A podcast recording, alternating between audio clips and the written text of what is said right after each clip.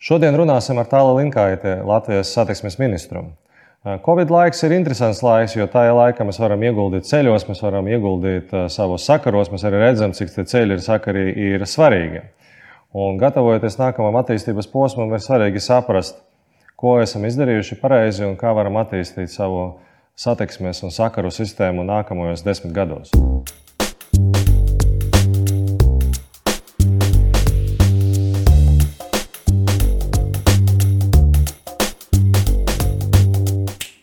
Paldies, ka pievienojaties uh, mūsu šodienas, šodienas sarunai. Gribētu tā parunāt vairāk uh, ārpus ikdienas politikas un pieņemot, ka kādreiz tas vīrus beigsies, par tādām vairāk divu, trīs, varbūt piecu gadu jautājumiem. Un varbūt sakot tāda bišķiņa, uh, nu, tādā interesantā veidā, runājot par tiem interneta ātrumiem. Jā, ja mēs nu, kādus 10, 20 gadus mēģinājām palielināt tos interneta ātrumus, un mūsu ātrums bija kaut kas ceturtais vai otrais pasaulē, vai tagad skatoties uz to, kas notika nu, krīzes apstākļos, kad visi nu, reāli izmantoja to interneta ātrumu, vai mums vēl vajag to palielināt, vai to jaudu, vai, vai pietiek iespējams ar to jaudu, kā jūs to redzat? Tas ir labs jautājums, un tieši šī vīrusu situācija parādīja, ka sabiedrība ļoti ātri eh, piemērojās un, un izmanto visas interneta dotās iespējas. Un, un eh, daudzās vietās Latvijā eh, šis interneta ātrums nav pietiekams.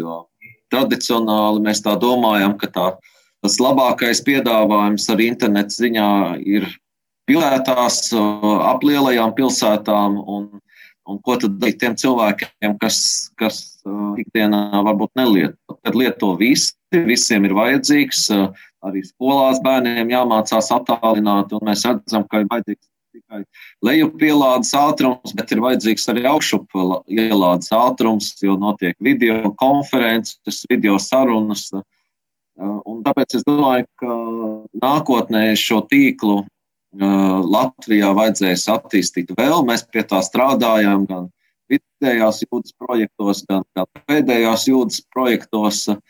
Un, un, un arī ne tikai ātrums kā tāds būs svarīgs, bet arī pats tīkla kvalitāte. Tātad nebūs vairs 3 un 4 gadi. Mums jau tagad ienāk 5G, un mēs runājam par Via Baltikas 5G koridoru.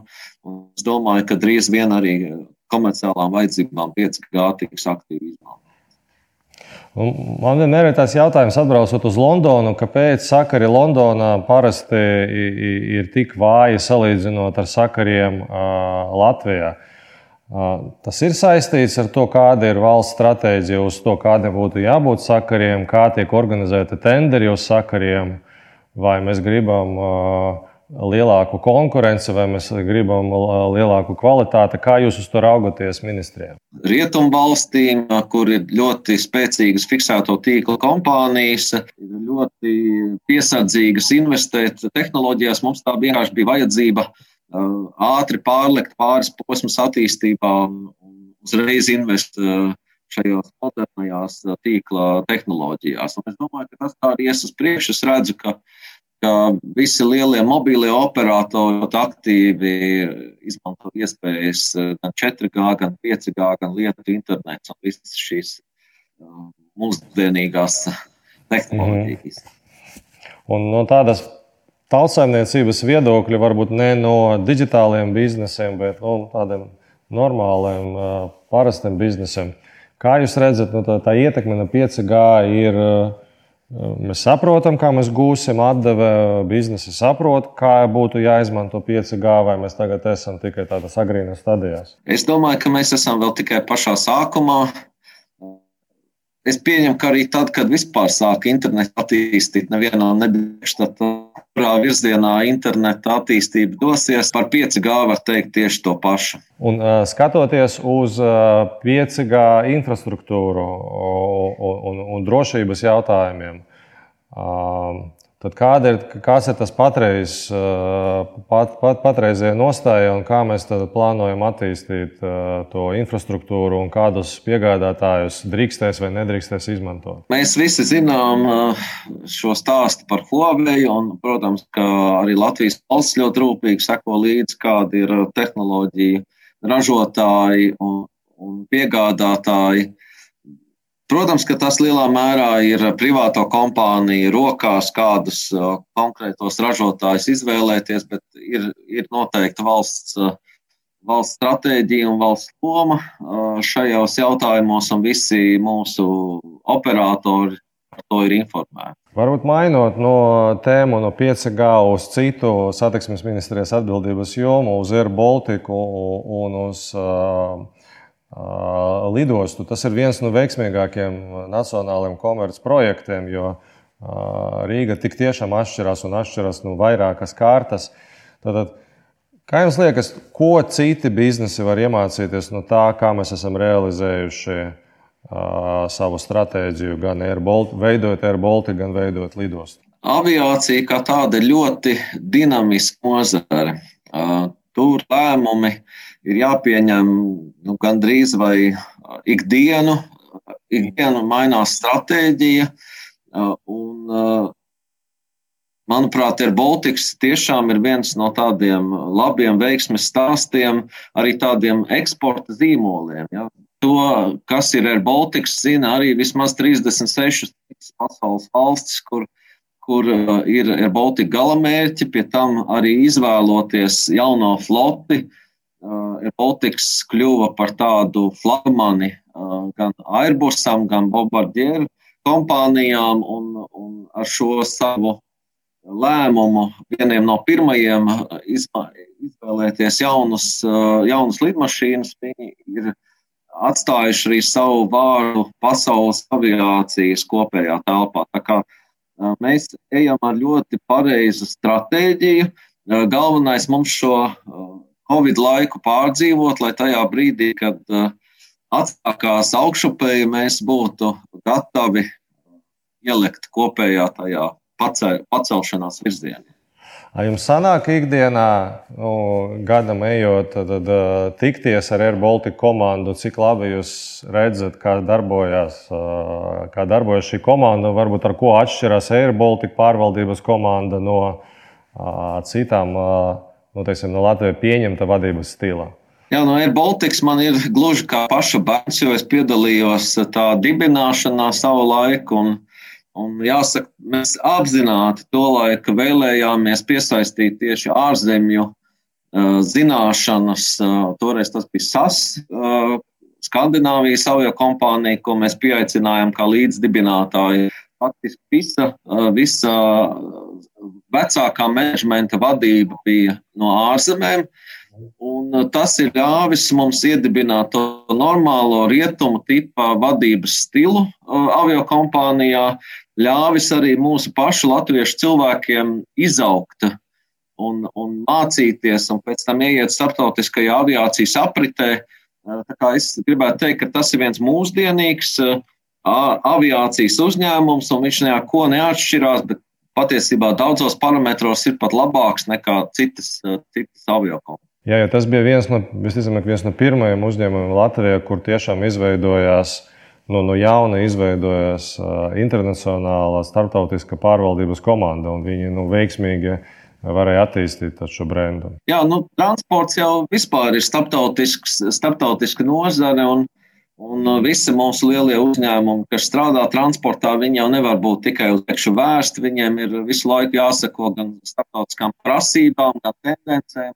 Mums ir iknedēļas sanāksmes, kur mēs arī analizējam visu šo Covid situāciju, prognozes, kādas sniedz starptautiskās uh, dažādas uh, organizācijas, konsultantu firmas, lai, lai mēs būtu pirmie tajā brīdī, kad situācija tiek atrisināta. Vai mēs redzam nu, šī tirgus konsolidācijas iespējas, un vai Latvijai tā, tā varētu būt iespēja? Izejot no krīzes, kad paliek mazāk kompāniju, bet tas kompānijas ir stiprākas un lielākas. Konsolidācija aviācijā sākās pirms krīzes, un bija cerība, ka ja tā krīze būtu tāda dabiski veidot, tad daudzas no tām tradicionālajām aviokompānijām, vismaz Eiropā, pazust no tirgus. Piemēram, Alitālija jau ilgstoši atradās tādā pusbankrota situācijā, un tāpat arī vairākas citas uh, Austrum Eiropas aviokompānijas. Bet uh,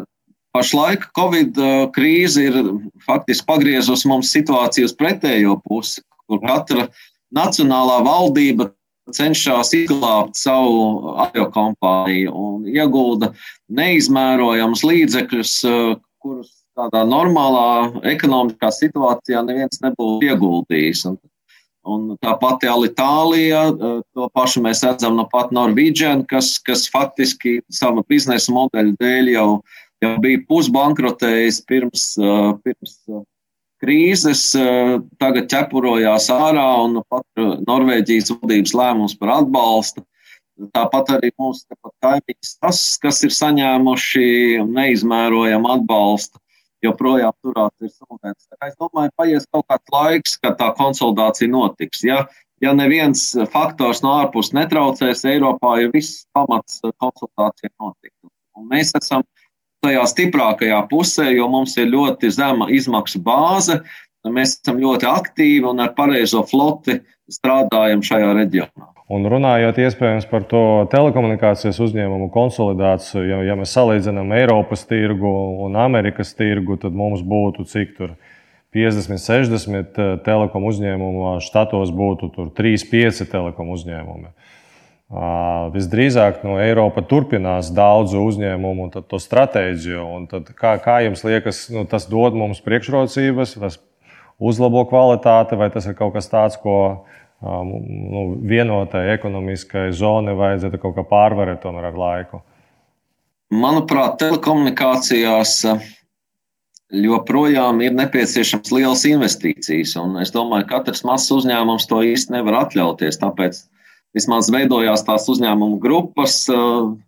Pēc, pēc akcionāriem jau mēs redzam, varbūt pēc vārdiem tie uzņēmumi ir daudz, bet pēc akcionāriem mazāk. Es domāju, ka uzņēmumi centīsies sadarboties, operatori centīsies sadarboties kaut vai kopējas infrastruktūras izveidošanā. Saturs varbūt katram atšķirīgs, paņemt savu klientu loku. Pārdošanas jomā varētu būt atšķirīgs, bet tā infrastruktūra, manuprāt, ar katru nākamo pakāpi paliek daudz um, izmaksu dārgāka un tāpēc neatmaksājās katram in, operatoram vai katram uzņēmumam veidot savu infrastruktūru. Cik es saprotu, nākamais gads būs uh, nopietns sākums Rail Baltica projektam. Bet, ja mēs tā paraugamies 10, 15 gadus priekšu, kad tas projekts cerams būs beidzies, kā jums liekas, kā, kas mums būtu jādara, lai pēc iespējas vairāk izmantotu to ekonomisko potenciālu, kas, ko ienes Rail, Rail Baltica? Mēs jau tagad, kad plānojam šo Real Baltiku kā, kā dzelzceļa infrastruktūru, mēs skatāmies uz visiem iespējamiem šīs infrastruktūras izmantošanas veidiem. Tradicionāli mums šķiet, ka tas ir tikai starptautiskais, starptautiskā satiksme starp lielākajām Baltijas pilsētām. Bet tā īsti nav. Tātad tur būs šo, šo infrastruktūru izmantosim gan šatlo servisam starp starp Rīgu un, un lidostu, gan arī reģionālajiem pārvadājumiem. Mums ir 17 e, tā sauktās reģionālās stacijas iezīmētas pa visu trasi. Un tas nozīmē, ka tur ies dažādi veidi reģionāli vai piepilsētas vilcieni, tāpat kā tas ir nu, parastajā mūsu, mūsu dzelzceļa sistēmā. Plus vēl kravu pārvadājumi. Mēs ir, ir diezgan daudz Latvijas uzņēmumu, kas jau tagad interesējās, kā pieslēgties pie šīs sistēmas ar, ar savu infrastruktūru, kā veidot noliktavas vai, vai terminālus ap infrastruktūru. Es domāju, ka tur ir ļoti, ļoti lielas iespējas, ko pašlaik varbūt mēs īsti neredzam, bet, bet kas nākotnē būs. Jo tā, tā vēsturiski, jeb jebkura apdzīvota vieta, kurai garām iet vilciens, tā arī aug un attīstās. Bet laikam katrai tai vietai vajadzēs atrast savus veidus, kā izmantot jauno dzelzceļu. Ir pilsētas, kas ar lielu interesi seko, piemēram, Bauska un Salacgrīva, kuras novērtē to, ka, ja viņām būs ātrgaitas savienojums ar Rīgu, tad viņas būs tuvāk Rīgai, viņas būs pievilcīgākas dzīvošanai, darba vietas, būs jaunas, jaunas noliktavas, loģistikas komplekss un vispārējais. Un galvaspilsētas ietvaros, kā jūs redzat, kā varētu mainīties, ko var mainīt tas Real Baltica un piepilsētas uh, uh, infrastruktūras attīstība.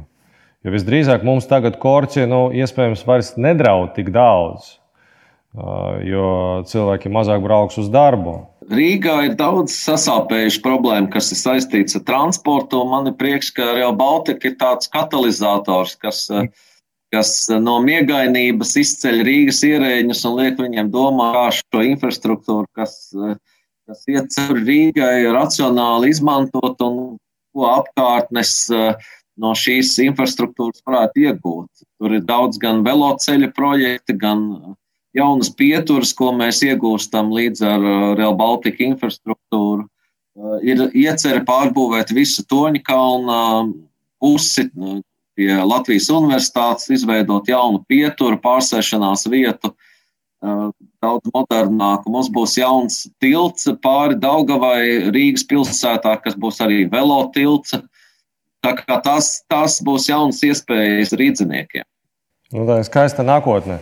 Un raugoties uz mūsu autoceļiem, veidojot attīstības plānus uz nākamajiem pieciem, desmit gadiem, tātad Kā mēs eh, atšķiram pirmās eh, prioritātes ceļus no trešās prioritātes ceļiem, vai jums liekas, ka tie trešās prioritātes ceļi tiek pietiekoši izmantoti, vai mūsu pirmās prioritātes ceļi ir pietiekoši plaši, nu, salīdzinot ar to pašu Lietuvu? Cik, cik ministrija ir apmierināta ar to, kā darbojas tā šodienas sistēma? Ja mūsu ceļu tīklu salīdzina ar kaimiņu valstīm, tad jāsaka, mēs esam atpalikuši, un tā arī domāšanā un nošanā atpalikuši apmēram par vienu investīciju ciklu. Jo gan Polijā, gan Lietuvā, izmantojot Eiropas naudu, pēdējos 5, 7 gados ir izbūvētas jaunas autostrādes, šosejas. Tātad šie galvenie ceļi ir ieguvuši kvalitāti pavisam citu, nekā mēs esam pieraduši.